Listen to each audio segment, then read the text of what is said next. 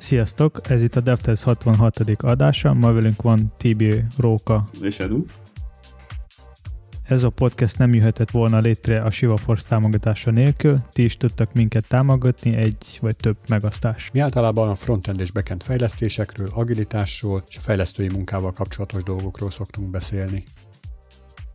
A mai adásban fogunk beszélni pár CSS érdekes dolgokról, aztán fogunk kicsit beszélni a Google által ajánlata webes performance metrikákról, aztán fogunk beszélni a CSS megoldásokkal Twitteren, és, és még egy pár érdekeségről. Edu, elsőnek hoztál nekünk néhány CSS varázslatot. Mik ezek? Igazából a három CSS függvényről van szó, a min, a max meg a clamp, és amúgy elég érdekes CSS függvények, amit lehet használni. Az ők segítségével azt lehetne megoldani, hogy bizonyos CSS szabályoknál mint például height, width vagy font size, meg lehet adni, felsorolni a minimális, vagy felsorolni a minimális és maximális méreteket, és akkor a böngésző automatikusan fog scale őket. Várj, Edu, kicsit hadd értetlenkedjek, hogy a hallgatóink is megértsék a dolgot. Egy CSS ugye az egy fix uh, file, tehát az úgy nem változik dinamikusan, és akkor beleírjuk, hogy 13 pixel, meg 25 pixel, és akkor a CSS meg kiválasztja belőle a 13-at, mert az a kisebb, például min függvény esetén. Vagy hogy kell ezt elképzelni? Ha ugyanaz a mértékség lesz, akkor a legkisebb lesz érvényes, és ha mondjuk különböző például a pixelek meg a százalékok vannak használva, akkor attól függ, hogy mi a viewportnak a, a szélessége, a mérete. Ja, akkor ezt nagyszerűen lehet használni. Egy kicsit hasonló akkor a minwidthhez, hogy mondjuk megmondom, hogy 300 pixel minwidth, és egyébként meg 100% legyen, hogy ehhez egy picit hasonló ugye? Igen, igen, ehhez amúgy nagyon hasonló. Hát meg szerintem azt lehet ezzel kapcsolatban kiemelni, hogy úgy tudsz egy elemen valamilyen értéknek mérték egység, na, szóval úgy tudsz értéket adni egy elemnek, hogy nem kell például media query használni, hanem tényleg csak a, ténylegesen a viewport méretet használja, vagy nézi, és akkor ahhoz képest megnézi, hogy azok az értékek közül, amiket te megadtál a függvénybe, melyik a kisebb, mármint mind, mind függvény esetében. Igen, ez inkább ilyen a vid meg a min vid kombinációkkal rövidítése, vagy a vid és a max vidnek ha maxot használni. Még egy kérdésem van, hogy az elején mondtad, hogy ez egy függvény. Ezeket a függvényeket lehet egymásba ágyazni? Tehát mondjuk egy mint egy maxba? Az amúgy nem tudom pontosan, hogy lehet a min és a maxot egymásba belerakni, de például azt tudom, hogy a repeat függvénybe, ami a gridnans lehet használni, ott, ott lehet min maxot be lehet rakni is. És van még egy, még egy függvény, a clamp, ami pont ezt a kettő, a min és a maxot összefoglal, viszont neki három értéket meg lehet adni, a min, a köztes állapot, meg egy max és akkor ezzel pont lehet elérni azt, hogy például a betűméretek az legyenek ilyen responsív, és attól függ, hogy milyen széles a, a viewport, olyan nagy lesznek a betűk. Tehát mi alapján dönti el, hogy ő neki most a min értéket kell megjelenítenie? Érted, mire gondolok? Tehát a clamp függvényben megadsz, megadod, hogy minimum mit tudom én most akkor, uh, mert itt már ugye lehetnek egy, egy, egyező mértékegységek, tehát ezt tudjuk úgy használni, és mi alapján dönti el, hogy neki most éppen a, a nem tudom, 10 pixeles fontot kell használni, és nem a 16 pixelest. Tibi, úgy, hogy kiszámolja, hogy viewport alapján, most az MDN-nek az első példáját nézem, hogy az egy RAM az 16 pixel lesz, a két és fél VV az 20 pixel lesz, a két RAM az meg nem tudom, 30 pixel lesz, és akkor ez alapján eldönti, hogy most éppen melyiket kell. Bocs, hogy közbeszóltam, de hogy így rátapintottál szerintem a lényegre, hogy itt igazából így relatív mértékegységekkel lehet ezt jó használni használni. Igen. Na, amit én szerettem volna kérdezni, hogy annak mi értelme, hogy egy kisebb kijelzőjű készüléken kisebb fontot mutassunk, mert akkor olvashatatlanabb lesz. Szerintem a Clamp pont abban tud segíteni, hogy mondjuk ilyen responsív szövegeket csináljunk, és az mondjuk nem fogunk csinálni, hogy egy H1 szöveg az nagyobb lesz mobilon, mint a desktopon, és mondjuk azt lehetne, ezzel pont azt lehetne megoldani, hogy media query nélkül az, hogy szépen arányosan a szöveg fog csökkenti, a, csökkenteni addig, ameddig kell bizonyos mér, méretűre, de az nem lesz mondjuk kisebb, vagy az mennyire kisebb lesz, az már a fejlesztőtől függ, hogy ő szeretne, hogy ez 10 pixeles legyen, akkor ilyen lesz, de az nyilván egy rossz UI ilyenkor. Na igen, pont erre gondoltam, hogy amúgy is kicsi az eszköz, és még jobban lecsökkenteni a betűméretet, hát az embernek kifolyik a szeme, hogy mire elolvassa egy kis készüléken. Ugyanazt, ami desktopon meg nagyon szép nagy terjengős. Hát nagy terjengős, de azért desktopon már annyival nagyobb fontszájzokat használunk, hogy nagyon ritka az az eset, hogy, hogy mobilon nagyobb egy font. Nem azt mondom, hogy nagyobb, hanem hogyha mondjuk egy mobilon, hú, hogy is mondjam, tehát hogyha egy ilyen nem túl jól responsív oldalt, ne, nem túl jól elkészült responsív oldalt nézek meg, ami a szélességén nem nagyon változtat, csak a font méretén, tehát hogy ugyanolyan hosszúak lesznek a sorok, csak kisebb betűmérettel, akkor az iszonyatosan rossz tud lenni. Hát persze, Szemben de ez egy rossz UI akkor tehát rossz tervezés. Na igen, csak hogy arányosan egyre kisebb fontok. De ne úgy képzeld el, hogy feleződnek a fontméretek, tehát az általánosságban ilyen, szerintem ilyen 80%-nyira esik le mondjuk a fontok mérete körülbelül. Oké. Okay. Ahol lehet, az szerintem ilyen bazi nagy headerök, vagy headingek, inkább úgy mondom, amik, amik desktopon ilyen tényleg így, így kiverik a szemedet a nagy monitoron. Az mobilon, ha annak egy betűjét megjelenítenéd a kijelzőn, már elfoglalna, elfoglalná a kijelződet, érted? Tehát ott, ott szerintem lehet drasztikusabb csökkenés mobilon, de általában ilyen ez az arány szokott lenni. Egyébként azt nézem, hogy, a, hogy egész jól támogatottak ezek a függvények. Tehát, Ilyen alatt nem, de a többiben igen. Igen. Tehát Explorer-ből semmi, de, de Edge-től kezdve már jó. A többi, többi böngésző támogatja, mondjuk a, elvileg a Clampet a Safari az annyira nem. Szerintem jó ez az irány egyébként, tehát nekem szimpatikus egy kis szint vissza megszokott stílusok írásába, meg tényleg rugalmas.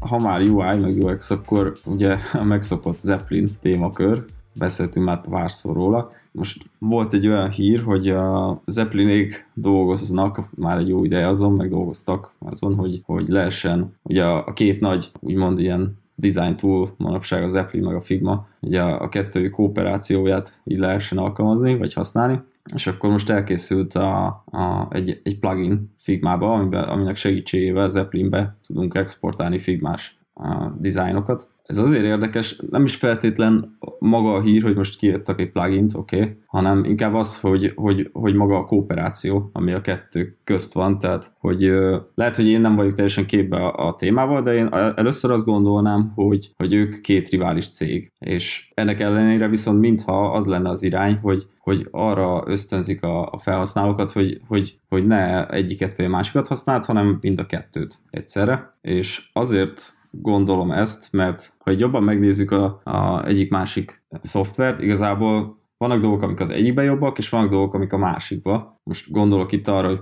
mit tudom én például a dizájnoknak a historia, jobb Zeppelinbe, a nem tudom, Figmába jobb rajzolni. Ugye Zeppelinben nem is lehet az megjelenítő felület és lehetne még sorolni, de hogy most nekem ebből a hírből az jött le, hogy ők, ők most itt együttműködnek, és ez nem is olyan új dolog, mert már mondják, hogy elég sok ideje készítik ezt a dolgot, csak most így hivatalosan bejelentették, hogy akkor most ez a Zeppelin Figma Integration 2.0, ez most így hivatalosan kijött, úgyhogy használjátok egyszerre mind a kettőt. Én amúgy nagyon örülök ennek, mert a Figmát használni ez így sok memória kell mondjuk így. Igen, mindenkinek ez a baj a Figmával, hogy eszi a gépet. Meg sokáig tölti be a dolgokat, tehát hogy így, így Hát nem nekem az a tapasztalatom, ilyen. hogy az elején sokáig tölti be, utána már viszonylag gyors, viszont tényleg eszi a gépet. Nagyjából ez a probléma vele, és igazából elég sok olyan dolgot tud, ami egy mezei felhasználónak, aki tényleg csak arra kíváncsi, hogy a, hogy néz ki a design, meg milyen értékeket akar kilesni belőle, nem feltétlen van szüksége rá de ugye van több mód is, mert akkor nyilván ő csak ilyen néző módba használja, és nem szerkesztő módba, de akkor is. És az Apple szerintem meg inkább arra van kitalálva, hogy a kéz design már megjelenítés, és akkor fel lehet használni az értékeket belőle, ki tudod nézni, ilyenek. Úgyhogy nekem igazából ez volt érdekes ebben a hírben, csak mivel szoktunk róla beszélni, gondoltam most ezt is behozom. Még volt egy, van egy cikk, amit be fogunk tenni a podcastbe, abban szerintem, ami még egy érdekesség, az az, hogy hogy azt írják, hogy mióta ugye elkezdett mindenki otthonról dolgozni, azóta 40%-kal nőtt a Figmának meg az Apple-nek a használata, tehát a, a felhasználók annyival nőttek. Úgyhogy azért az elég nagy szám, ilyen rövid idő alatt szerintem. De mi lehet ennek a hátterében? Hogy nem tudják kinyomtatni a dizájnokat? Hát, nyilván nem. Én amúgy szerintem nem tudnak oda menni designerhez, és akkor Igen. megnézni, megbeszélni a dolgokat, és most így muszáj így nézegetni. Igen, tehát gondolj bele, amikor beülsz egy meetingre, jó, lehet, hogy nem lesz a legjobb példa, de hogy egy valaki kivetíti mondjuk a dizájnt, együtt átnézitek és kész. Most is lehet úgy meetingelni távolról, ugye, hogy valaki megosztja a képernyőt és mutogat, de lehet, hogy mit tudom, most minden, inkább mindenki magánál nézi. Úgyhogy szerintem ez, ez érdekes volt. Talán még amit itt meg lehet említeni, ugye nyilván a, abból, hogy tudsz exportálni könnyen Figmából Zeppelinbe, ezzel jött csomó olyan dolog, ami könnyíti magát az exportálást. Tehát ha mondjuk te módosítasz valamit egy dizájnon, akkor azt így elég könnyen át tudod vinni egy gombnyomással, kvázi. Nyilván nem próbáltam ki, de ezt állítják. És ez igaz nem csak maga a dizájnra, hanem ilyen alapstílusokra, színekre, tehát ilyen style egyszerű dolgokra, meg asszetekre is. Úgyhogy így ezt emelték még így ki. Mondom, hogy szerintem inkább az a érdekes nekem ebbe az egészben, hogy, hogy ez a két cég együtt most így Szerintem akkor így hivatalosan kimondva közösen dolgoznak azon, hogy mind a kettőt használ egyszerre, mind a két terméket. Tibi, mivel szenvedsz mostanában? Igen, van ez a, van ez a pont-pont-pontozás, tudjátok, hát biztos találkoztatok már ilyennel, hogy a felületen, amikor meg kell jeleníteni valamilyen szöveget az oldalon, akkor az valamilyen formában nem fér ki. És uh, általában az szokott lenni a kérés, hogy akkor oké, okay, pöttyözzük ki a végét. És uh, ugye erre vannak teljesen egyszerű megoldások is, szimplán CSS-ből. Ugye a, a legegyszerűbb az az, amikor azt mondják, hogy jó, legyen mindig egy soros a szöveg, és uh, egy bizonyos szélesség után, ami már nem fér ki a szövegnek része, ezt pöttyözzük ki. És akkor erre van egy háromsoros, kb. háromsoros CSS megoldás, az overflow, hiddenes text, overflow, ellipszises szélesség megadós, akármicsoda. És viszont az van, hogy ez sok esetben nem elég, és azért hoztam most ezt a témát, mert most a mostával, dolgozunk, ez, ez már többször előjött. De hogy, hogy nem elég? Tehát milyen esetben nem tud ez elég lenni? Mert ez egy jó kiforrott technológia. Igen, igen. A, most itt arra gondolok, hogy ez az egy sorba hagyjuk a szöveget, és pöttyözzük ki, dolog nem elég. Most például dolgozok egy csáton, ugye az oszlopok tetején ki van írva az oszlopra vonatkozó valamilyen adat. Most teljesen mindegy, hogy mi. És mivel nagyon keskenyek az oszlopok, ezért az a szöveg, az az adat, ami oda ki van írva, az, annak nagyon kis helye van. És az, ha egy sorba hagyjuk, és úgy pontozzuk ki, ugye már eleve a pöttyözés is kivesz valamennyi helyet, akkor szinte alig látszik csak pár karakter abból a szövegből, és az nem elég. És ugye ilyenkor jönnek az ilyen speckó igények, hogy oké, okay, akkor legyen mondjuk két soros a szöveg, addig engedjük, utána pöttyözzünk, vagy legyen három soros a szöveg, és utána pöttyözzünk. És uh, én annak örültem meg, hogy találtam egy megoldást, illetve korábban már hallottam erről bent is a cégnél, meg úgy egyébként is talán, mint olvastam volna valahol. Mindegy, de még nem használtam soha, az a, erre is van egy CSS megoldás, egy ilyen webkites varázslat, ami ezt megoldja, és meg tudod neki mondani, hogy hány sort engedjen, és utána pöttyözze ki a dolgot. És uh, most használtam először. Egyébként tök jó működik. Úgy emlékeztem, mintha csak Chrome-ba lenne jó, és azért nem is jutott először eszembe. De most megnéztem, igazából minden böngésző megeszi, leszámítva persze az Explorer-t, de ezt már szerintem ne is mondjuk amúgy. Fölösleges. Egy, egy, egy hátrányát láttam most, amit, amit mutattam itt a podcast előtt nektek, hogy, a, hogy van olyan eset, amikor olyan hosszú szavunk van, és most egy szóra gondolok, hogy ha hogy több sorban azért nem tud törni, úgyhogy értelmes is maradjon, mert, nem, mert hosszabb a szó, mint maga a, a hely. Ha több sorba törjük, akkor ugye, tehát erőltetjük, hogy több sorba törjön, akkor az lesz a rossz, hogy valahol ott törjük el a szót, ahol nem kéne. Úgyhogy erre még nem találtam megoldást, de biztos, hogy van, én nagyon remélem. Igazából azt szeretném elkerülni, hogy ezt kelljen JavaScriptet használni, mert ha nem kell, akkor tényleg gyakorlatilag egy klasszal definálva ezeket a dolgokat, párhol tudjuk használni az oldalon ezt a témát, és akkor megvan olva. Van a HTML-be az a olyan sortörés, hogy nem muszáj, azt hiszem VBR a neve. Ez micsoda pontosan? HTML-ben? Igen, egy HTML elem, WBR, és ahova ezt beteszed, akkor ez letöri, hogyha kell. Na jó, de most érted, ez egy, például egy szerver oldalról jövő adat. Most abban hogy teszel be egy valahova random, egy HTML teget? Hát nem, nem random, hogyha ez mondjuk egy CMS szerkesztett, akkor a tartalomtöltő az pontosan tudja, hogy ez az a hely, ahol nagyon kicsi a hely, ezért ezeket a szavakat kifejezetten ellátja szótak határokon ezzel a teggel. És akkor jó. De, de ez mindig kell magyarázni ezt, hogy így kell beszerkeszteni. Ez szerintem nem a legjobb megoldás. Kóddal is lehet, mert elég jól És algoritmizálható. amúgy, és amúgy mi lenne, ha mind a kettő megoldás egyszerre használni? Tehát az overflow hidden és ellipse, text ellipsis, és ezt. Az, a dolog, az van, hogy igazából ez a megoldás is használja az overflow hidden meg a, ha jól emlékszek, a text overflow ellipsis, vagy mi az Isten a neve annak a CSS szabálynak, tehát azt is, viszont mellette kiegészül még ilyen webkites szabályokkal, amit majd meg fogtok találni a leírásban, levő cikkekben, de konkrétan egy display WebKit box sorra, egy WebKit line cap camp tulajdonsága, amiben egy számot adsz meg, hogy hány soros legyen, a, hány soros lehet maximum a, a szöveged, meg egy WebKit box oriented, ami megadott, hogy vertikális legyen az irány. Úgyhogy uh, igazából úgy veszük, vegyítve van. Tibi, nekem még egy kérdésem lenne, hogy ilyen esetben, amikor tényleg csak egy pár betű fér ki, és rövid szó mondjuk kifér, és akkor két sorba kell törni, hosszú szó nem fér ki, akkor pöttyözzük ki. Tehát egy ilyen esetben miért nem merül fel az, hogy akkor ne így jelenjen meg, hanem mondjuk akár függőlegesen, tehát hogy 90 fokkal elfordítva a szöveg. A felhasználónak sem lesz jó, hogy nem kapott érdemi információt annál az oszlopfejlécnél, sőt, hogyha mondtad, hogy egy, ez egy diagramnak a tetején lesz, akár előfordulhat, hogy ugyanolyan kezdetű szavak vannak, és meg sem tudja különböztetni a két szót egymástól. Igen, ez egy spécibb eset ebből a szempontból, ne egy ilyen klasszikus diagramot képzelj el, hanem egy ilyen kicsit kisebbet, tömöret, és ilyen picit fancybbet, de ha most elfogadnánk a szövegeket, az, az, az nagyon elrontaná az összképét, az az egyik. A másik pedig az, hogy amik ilyen előre definiált szövegek lesznek ott, azok úgy általánosságban mindig, hogyha két sorba tudjuk törni, akkor egész jól kiférnek és megkülönböztethetőek lesznek. Egy probléma van, hogy lehet majd custom elnevezés is egy-egy ilyen oszlopnál, és ott meg ugye majd a user, aki beírja azt a custom elnevezést, ő, ő mondja meg, hogy mi legyen ott, és azt is ki kell, ki kell bekelni, mert lehet, hogy be fog írni egy 30 betűs szót, ért? Tehát, hogy azzal is kell majd valamit kezdeni. De egyébként jó ötlet, amit mondasz, csak itt ebbe, ebbe nem fér bele. A Chrome-ban, a DevTool-ban egy csomó eszköz van arra vonatkozóan, hogy egy weboldalnak a performance-át megnézzük. Egy külön tabot is szenteltek ennek, hogy milyen betöltési teljesítménnyel rendelkezik egy-egy weboldal, illetve utána hogyan viselkedik. Ezeken a, ezen a fülön egy csomó érdekes adat van, többek közt, ami, amit nagyon gyakran szoktunk használni, ez a First Meaningful Paint nevű esemény. Ez ugye azt jelenti, hogy mikor történt az első olyan nagyobb rajzolási vagy festési eseményből, amikor nagyobb blokkot megjelenített számunkra. Na és ezzel kapcsolatban a google kiadtak egy, egy micsodát szabálygyűjteményt, vagy egy ilyen ajánlást, kiadtak a google egy ilyen ajánlást, hogy hogyan illene ezeket a performance méréseket jól csinálni. Tudsz erről mesélni egy kicsit, Edu? Volt egy ilyen három rövidítés, arról tudsz kicsit mesélni? Tehát az egyik volt az LCP, aztán feed, meg CLS, hogy ezek mi? Hát ami korábban is benne volt a böngészőben, ilyen események, például az egyik az onload esemény. Ugye akkor, amikor megtörtént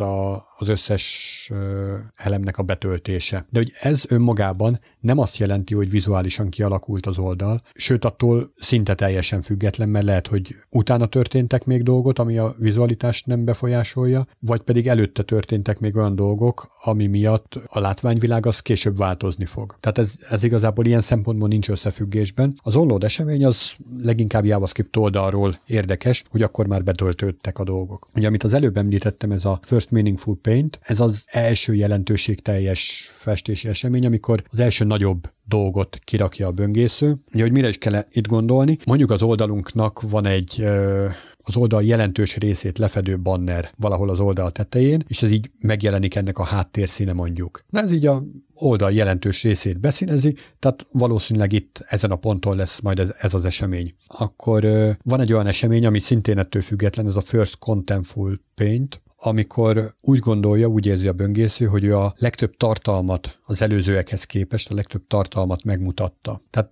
megjelentek a fontok. Ugye ilyenkor szokott bekövetkezni a, a fontokkal kapcsolatos villogás, hogy már megjelent a, az unstyled font, tehát ugye a, a még nem alkalmazott stílussal megjelent, majd amikor elkezdi betölteni a fontokat, akkor utána kicsit eltűnik, majd megjelenik újra egy kicsit másfajta megjelenéssel. És ugye van még a klasszikus DOM Content Loaded event, ami pedig arról szól, hogy maga a DOM az előállt. És akkor ezekhez képest ez az ajánlás tartalmaz még néhány újdonságot. Amit ugye Edu említettél, és nincs benne ebben a DevToolbarban, ez az LCP, az egyik a Largest Contentful Paint, hát nevéből adódóan, amikor a legtöbb tartalmat kirajzolja, vagy például a First Input Delay, amikor már tudunk az inputokkal kezdeni valamit gyakorlatilag. És az egyiket, ezt kihagytad, az a CL, CLS, ami arra való, amikor már a layout az teljesen betölti, és nem ugrál össze-vissza, amikor mondjuk például a képek még töltenek be, és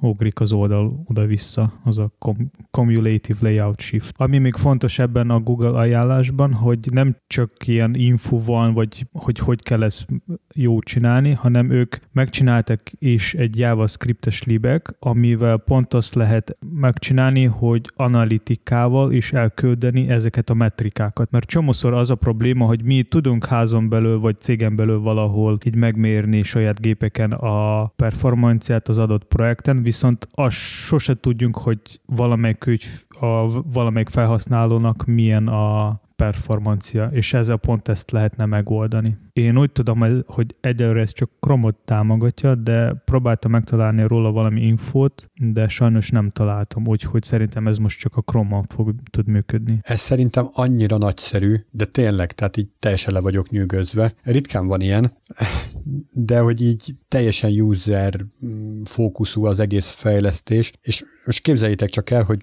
elkészülő Chili szájtal, nagyon jó gépeken elkészül a fejlesztés, ott nagyon jó performance mutat, majd kikerül élesbe, és akkor ott előhozza, hogy az XY oldalnak átlagban nagyon rossz a megjelenési performance És akkor ezzel az adattal olyan hihetetlenül jól lehet fejleszteni a weboldalt, mert hogy mit tudom én, a, a célközönségünk az mobilos felhasználó, és nem is a high-end mobilokat használja, hanem ilyen olcsóbbakat, és azt az oldalt pont úgy látogatják, hogy ott, ott, ott valami összeakad nekik, és rosszabb performance van, emiatt ugye rosszabb lesz a konverziós ráta, tehát egy csomó dolgot ki lehet ebből szűrni. Ez szerintem zseniális. De most akkor itt arra akartok kiukadni, hogy, hogy az milyen jó része ennek az egésznek, hogy mi le tudjuk kérni, hogy a felhasználók nál milyen performanciával töltött be az oldal. Igen. És hogy mennyi idő alatt, milyen, milyen Aha. Igen, az kb. úgy kell elképzelni, hogy ha behúzod ezt a libet, akkor a Google Analytikával ő együtt fog beküldeni az adatot, és... Na, ezt akartam kérdezni, ezt milyen felületen tudod, vagy hogy tudod lekérni, hol, hol tudod meg leellenőrizni? Mármint lehetőség van erre is, hogy Google Analytics-el küld be, de bármit is használhatsz, tehát hogyha neked valamilyen logger rendszered van, akkor abba is be tudod küldeni. Igen, és, és ezt a három értéket, amelyikről korábban beszéltünk, azt lehet, le lehet kérdezni. Vagy legalábbis a doksiban én annyit láttok, lehet, hogy később több lesz. Ugye én annyit szoktam javasolni, amikor ilyen performance mérése kerül a sor, hogy kinyitjuk a Chrome-nak a dev toolbárját, ott az Elements fülön töröljük ki az összes DOM elemet, és akkor kapunk egy szép fehér oldalt. Mindezt azért, hogy nehogy az előzőnek a screenshotja az megtévesszen. Átmegyünk a performance fűre, ott rányomunk a felvételre, és betöltjük az oldalt. És hogyha be van pipálva az, hogy rögzítsen nekünk screenshotokat, akkor tök egyszerűen ott a screenshotok fölött, ahogy mozgatod az egeret, el lehet csípni azt a pillanatot, amikor kialakul a látványvilág. Ott egyébként nagyon tanulságos, hogy gyors gépen észre sem veszed, hogy mit összeugrál az oldal, de hogyha a screenshotok között mész, akkor ott azért látod, hogy ú, most színes lett a menünek a háttere, de még nem látszik rajta a betű vagy megjelent a menüben a betű, de a bannerből még semmi nem látszik, meg ilyen furcsa eseményeket ott el lehet csípni, de hogy lényeg az, hogy amikor így a betöltési folyamat a szemeddel azt látod, hogy befejeződött, na az az a pillanat, amikor, amikor egy felhasználó, egy végfelhasználó azt tudja mondani, hogy ó, ez az oldal betöltött, nem pedig még ugrál össze-vissza, mint ahogy szoktak, most nem akarok oldalakat említeni, de egy nagyon népszerű oldalak szoktak össze-vissza ugrálni, hogy szeretnék megnézni egy cikket, legörgetek oda, és akkor még ugrik egyet, mert betöltött neki egy hirdetés, utána ugrik még egyet, mert betöltött a social sharing funkció, és nem tudom olvasni a cikket gyakorlatilag. Na és ezt nagyon jól el lehet csípni. Na most ennek a gyakorlatilag az automatizált mérése valósul meg ezzel. Hát még úgy is, ahol nem is tudunk ezt lemérni, tehát olyan eszközökön, vagy igen. ahol nehéz. Igen, igen, igen. Mondjuk a mobil eszközöken. De azt is, tehát azt is akkor elvileg konkrétan le lehet kérdezni, nem, hogy, a, hogy az oké, okay, hogy milyen volt a performancia, de hogy milyen eszközről nézték. Hát az a user agentből jön. Ja, igen, tényleg. Meg hogy milyen, azt is le lehet kérdezni, hogy,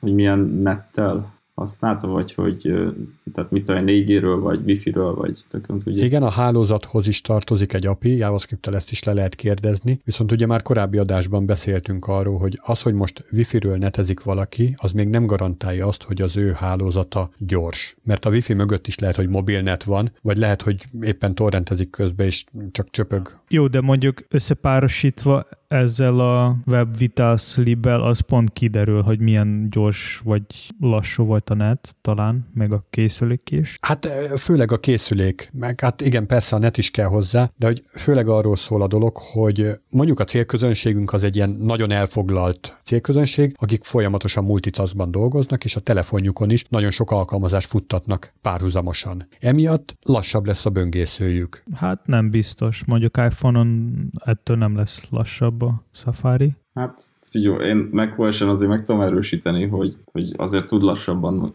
Tehát mert ezzel nekem az, az a egy kicsit, ami félrevezető lehet, hogy megkapod mondjuk azt az infót, hogy milyen eszközről nézte valaki, meg hogy esetleg milyen hálózatról. De pont az ilyen dolgokkal ugye nem vagy tisztában, hogy, hogy azon a hálózaton egyébként még milyen terheltség van, azon a, szá- azon a gépen vagy telefonon még milyen terheltség van, milyen eszközök futnak, mit, hány vírus van rajta. Tehát, hogy nyilván persze ezek most ilyen, ez egy kicsit ilyen szőrszávasogatás, csak hogy, hogy azért ezek így pluszban benne vannak. Ha az összképet nézzük, akkor tök jó. Tibi, nagyon jókat mondasz, csak ezek nem számítanak. Miért fontos az, hogy hány alkalmazás fut még az eszközeinken? Hogyha például egy Google Analytics-be beküldjük ezt az adatot, és ott összesítve, ilyen kumulálva fogjuk megkapni, hogy egyébként a felhasználóink 15 másodperc alatt át, átlagban, tehát mit tudom én, a 90% felhasználunk, 15 másodperc alatt kapta meg a kontentet. Akkor egyértelmű jelzést kaptunk arra, hogy ezen változtatni kell. Vagy ha... Ja, ez lett volna az árszó, hogy átlagot nézve viszont tök teljesen jó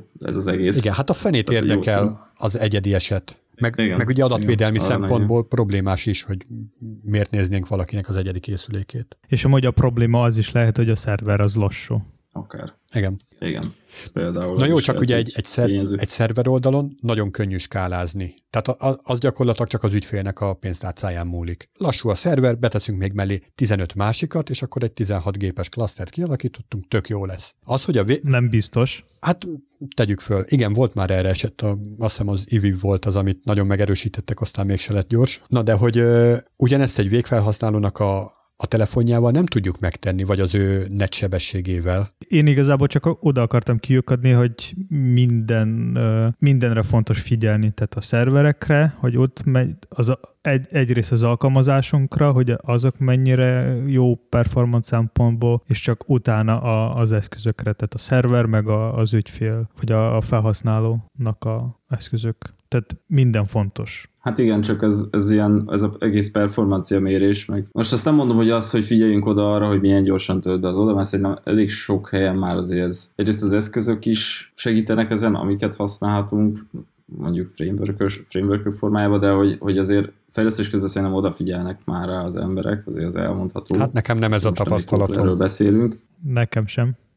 Jó, akkor nem mondható el. Viszont, viszont általánosságban az még végképp nem mondható el, hogy, hogy erre büdzsé is van. Úgyhogy ö, szerintem azért fontos dolgok ezek, és azért fontos kiemelni ezt az egész performancia témát, hogy mindenkinek a szem előtt legyen. Hogyha a T0 időponttól már kezdve már figyelünk rá, akkor csomó minden megelőzhető. De nem erre gondolok. Úgyhogy nem kell rá költeni. Tibi, Igazából arra gondolok, hogy ezt a libet tényleg egy Google Analytics-be bekötve, ott össze lehet kötni azt az adatot, hogy miért nincs az oldalon konverzió, tehát hogy a látogatóinkból miért nem konvertálódnak vásárlók. Ezt összeköthetjük azzal, hogy mert eddig azt hittük, hogy azért nem, mert piros színű a gomb. De most lehet, hogy azért nem, mert egyébként annyira lassú az oldal, hogy a kutya se várja meg. És gyakorlatilag összeválogatta magának a termékeket a webshopunkba, elment a kosárra, és ott nem bírta kivárni, és inkább elment a konkurenciához. Igen. A legjobb példa erre jó, az nem vásárlás, csak van most egy ilyen eléggé aktuális példám erre, hogy az egyik, egyik shop, mi ez? Bevásár, nem bevásárlóközpont, egyik üzletláncnál az újságját meg akartam nézni neten. Mert tudtam, hogy van benne egy akció, csak kíváncsi voltam arra, hogy hogy, hogy néz ki az újságban az a dolog. És tudtam, hogy be volt dobva hozzák egy olyan újság, csak ki volt a konyhába, én meg már befeküdtem az ágyba, és nem akartam kivenni a konyhába, úgyhogy megnéztem neten a honlapjukon, és én felmentem a honlapjukon, meg akartam nézni az online újságot, és nagyjából mire mélyítottam az újság első oldalát, olyan 215 felúró ablak jött be, meg meg nem tudom micsoda, és az újság is úgy volt föltéve, hogy, hogy így egyesével tudtad a lapjait így léptetni.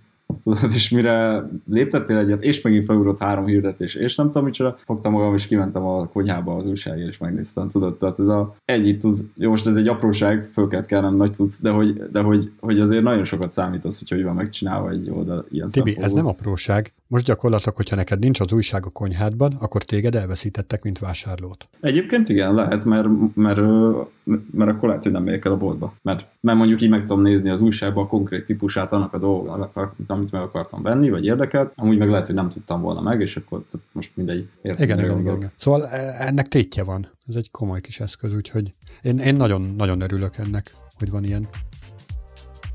A következő téma a a CSS megállapítások a Twitteren, az hasonló amúgy, mint korábban beszéltünk Facebookról, hogy milyen érdekesek, érdekes vagy furcsa megoldások vannak a, a Twitter oldalon. Most a Twitternek volt valami ráncfelvarrása, hogy ez aktuális lett, vagy, vagy hogy került elő? Amúgy azért lett aktuális, mert korábban beszéltük a Facebookról, és most így Twitter is Ez lett. alapján kedvet kapott valaki a Twittert elemezni? Lehet, igen. Na és miket, miket találtál benne? Az egyik ilyen érdekesség az, hogy a, profil, a felhasználó profilképeken van használva egy ilyen CSS kombináció, ami összeállítja egy arányt, ami hát ilyen igazából, ami igazából ilyen négyzet alakú, és az mondjuk azért jó lehet, mert a kép az ö, arányosan fog nőni, vagy csökkenni, attól függ, hogy most melyik irányba hoz, változik a, a viewport. De akkor ugye ez azt jelenti, hogy előfordulhat olyan eset, amikor ennek a négyzetnek a jelentős része az nincs kitöltve. Tehát, hogyha mondjuk valaki egy nagyon széles, de nem túl magas képet tesz föl magának. Tehát ugye 10 pixel magas és 1000 pixel széles. Igazából most a Twitter esetben esetén az van, hogy ott a doboznak van fix szélessége, úgyhogy ott ebben az esetben ez nem fog előfordulni, de abban a példában, amit te mondtad, ott igen, tehát ott előfordulhat egy ilyen dolog, hogy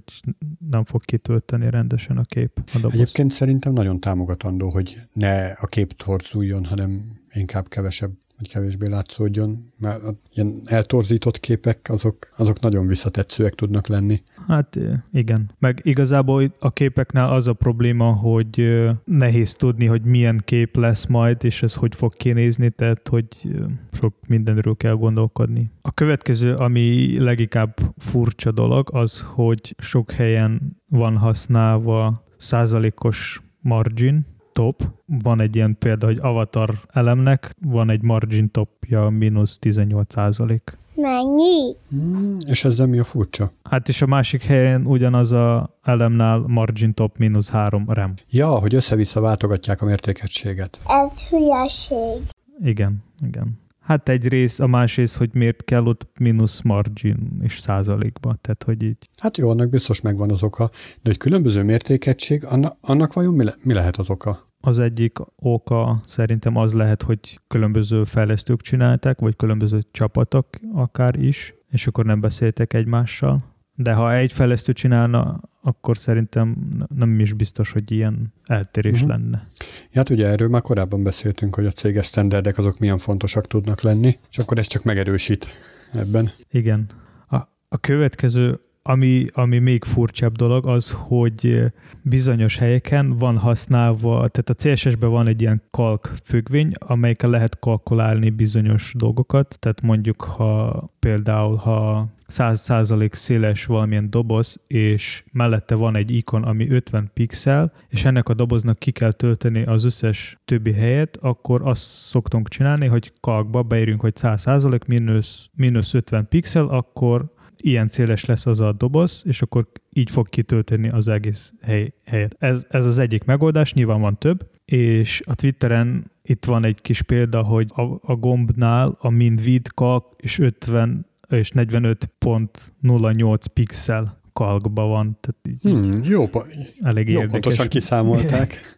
Igen. Ez tudod, mi lehet egyébként? Ez csak egy mese. Én azt tudom elképzelni, hogy ennek a kalknak volt egyébként másik fele is, csak az nullára értékelődött ki, és valami optimalizáló utófeldolgozó az kivette. Tehát, hogy olyasmi lehetett, hogy mm, nem tudom, a, egy másik elemnek a szélességének a 10%-a mínusz ez az érték, és hogy a másik elem az meg se jelent, vagy nem jelenik meg, vagy nem tudom, és akkor az nullára értékelődött ki, és akkor az lett volna, hogy 45 mínusz nulla. De ez kioptimalizálta valami utófeldolgozó, és ezért maradt csak az, hogy 45. Az meg, az meg hogy ö, százados pontossággal adták meg, tehát hogy 45,8 század pixel, na szerintem szintén azt sugalja, hogy itt valami számított dolog van, tehát ezek szerintem nem kézzel írják a CSS-t, hanem, hanem valamilyen eszköz számítja ki nekik, hogy a CSS-be mit kell kiírni. Igen, pont itt kicsit lejjebb a cikkben az van, hogy egyrészt, hogy ez inline CSS-be van, más, hogy ez talán a React-nak a eredménye, tehát hogy ott valahogy használják ezt, és az így valahogy kiszámolja. Hát igen, az inline CSS-be ott rendszeresen ilyen JavaScript által számított dolgokat találunk, amit egyébként csak így zárójelben jegyzem meg, hogy óvaintenék minden hallgatónkat attól, hogy inline CSS-t vagy inline JavaScript-et használjon. Miért? Hát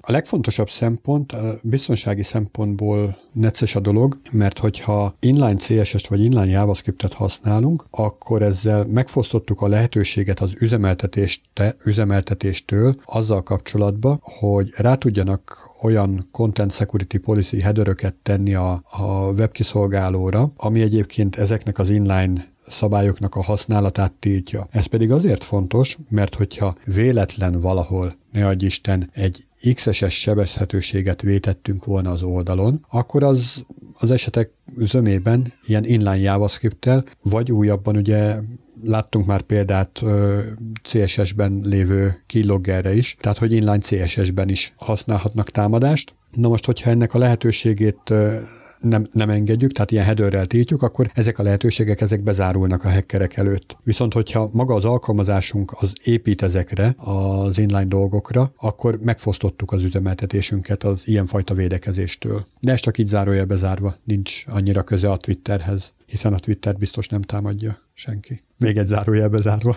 A következő furcsa dolog az, hogy több helyen az van használva, hogy több helyen a képeknál. Nem csak egy kép van, hanem mellette van egy ö, háttérkép is, tehát ugyanaz a háttér, tehát ugyanaz a kép a háttér, háttéren, tehát hogy van egy div is, aminek van egy background, valami image, és alatta van egy image tag, ugyanazzal a képpel, és az az érdekes, hogy a image tag, tagnek van egy opacity, ami nulla, és igazából maga látszik csak az a background image, és ez is ilyen hát furcsa megoldás, ami, ami érdekes tudni, hogy ennek mi volt az oka, mert így... Na ezt vajon miért csinálhatták? Jó kérdés, amúgy. Lehet itt is nekik van valami, vagy komponens, ami így generál, vagy valami fallback-es megoldás valamire, talán, mert mondjuk a object fit, mert igen, a, az van, a background image-nek, image-nek van használva, hogy background size cover, tehát ez azt jelenti, hogy a kép fog kitölteni az egész divet, attól függetlenül, hogy milyen méretű a div, és én úgy tudom, hogy az object fit, ja, az nincs is itt használva. És az a furcsa, hogy az image-nál nincs is itt semmi info, hogy van-e használva az object fit, de én úgy tudom, hogy az object fit az nem az összes böngésző még támogatja, és lehet, talán ez lehet az oka ennek. Én tudod, mire tudnék még gondolni? Hogy az a div, amiben a háttérkép van, ők eredendően háttérképként szeretnék a képet megjelenteni, csak annak a divnek a méretei ö, nem tudják úgy megmondani, így a kép függvényébe, ezért belerakják a, a sima képet, ami kinyújtja a szülőelemet akkorára, mint amekkorára kell, és ezáltal a, a másik diva, aminek a háttérképe van beállítva, az is ki tud nyúlni akkorára, mint amekkora a sima kép kinyújtotta a szülőelemet. De Object fit pont ugyanazt meg lehet csinálni. Csak ugye, ahogy mondod, hogy ö, nem minden böngésző támogatja egyformán. Az igen, ez így van. Na jó, csak ugye, tehát azért érdekes még, mert hogy odarakták a rendes IMG teget. Akkor, tehát hogy miért nem volt az jó, és miért akartak helyette inkább background image-et használni vajon? Jó kérdés. Lehet, hogy azért, hogy azt nehezebb lementeni? Az lehet amúgy az oka, csak szerintem, ha így lehúzod a képet, akár az opacity nullával, a, amúgy böngésző fog lehúzni, nem? A következő érdekes vagy furcsa inkább megoldás az, hogy az összes elemre van rárakva egy CSS class, amiben bizonyos CSS szabályok reszetelve vannak, tehát ilyen CSS reset. Ilyen reszetet szoktunk használni. És megnéz, Ilyen Tessék? reszetet azt szoktunk használni. Hát igen, csak az a furcsa, hogy miért, ez, miért nekik nem elég a globális reset. Tehát miért az van, hogy minden elemnál van. És tényleg most megnyitottam a Twittert, megnéztem, és kb. mindenhol van az a CSS class. Hmm. Hát talán ez is lehet valamelyik keretrendszernek a, a, az eredménye, talán React. De hogy mégis furcsa, hogy miért kell ez mindegyikre rárakni. Hát ez nekem inkább figyelmetlenségnek tűnik, mint, mint tudatos döntésnek, mert ez szerintem minden szempontból rossz.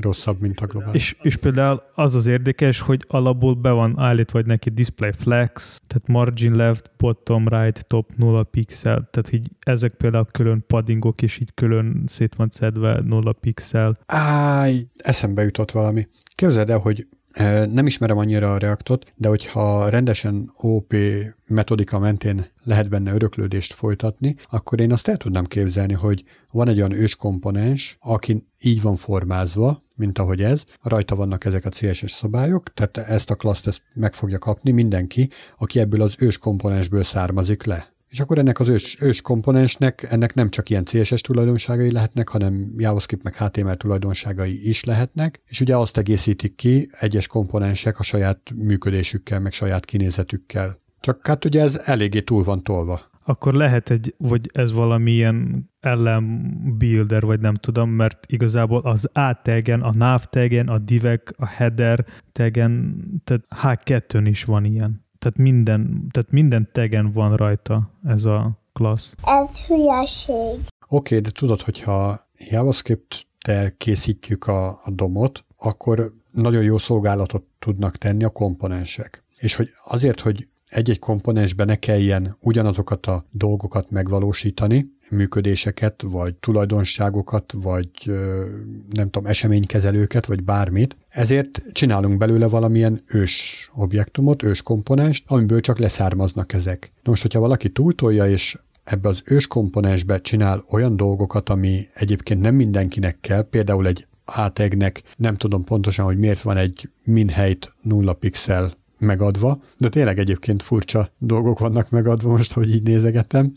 De hogy a display flex a H2-nek minek? Na mindegy, Igen, mondja. szóval, hogy mondom, szerintem ez inkább figyelmetlenségből adódik, hogy ilyen nagyon kívülre helyeződött egy ilyen nagyon általános elemre egy ilyen fajta szabályoknak az alkalmazása. És ugye, ahogy mondtad is, szerintem a, a glob, tehát egy ilyen reszetelős globális stílus, az minden szempontból optimálisabb lenne, mint ez. Hát nyilván, igen. Egy másik érdekesség, még amit találtunk benne, ugye az előbb említett kalk függvényhez kapcsolódóan, hát itt elég furcsa ilyen hardkódolt értékek vannak benne az eltartásokhoz. Hogy egészen pontosan mire is gondolunk, eh, 39 pixel mínusz másfél EM, ez megszorozva mínusz egyel, majd ez hozzáad még 5 pixelt, és elosztja kettővel. Na ennyi a margin left. A legérdekesebb száma ebben az egészben az 39 pixel. hát igen, eléggé ilyen furcsa dolgok lehet találni mindenféle oldalakon. De szerintem tök jó így kutatni ezeket, mert néha jó megoldások is lehet Jó találni. lenne megtudni, hogy milyen eszközzel készítik ezeket a CSS-eket, mert hát így ez alapján ezt élő emberben nem gépelné. Ki tudja. Hát igen, igen. Szóval láttunk már sokfélét. Lehet, hogy léteznek ilyen hardcore fejlesztők, akik, akinek hiányzik a matek iskolából. Ennyi fért bele a mai adásba. Ha esetleg valakinek van bármilyen visszajelzés, kérdés vagy ötlet, akkor nyugodtan lehet írni nekünk Twitteren, Facebookon, vagy akár e-mailben, és hallgassátok minket legközelebb is. Sziasztok! Sziasztok! Sziasztok!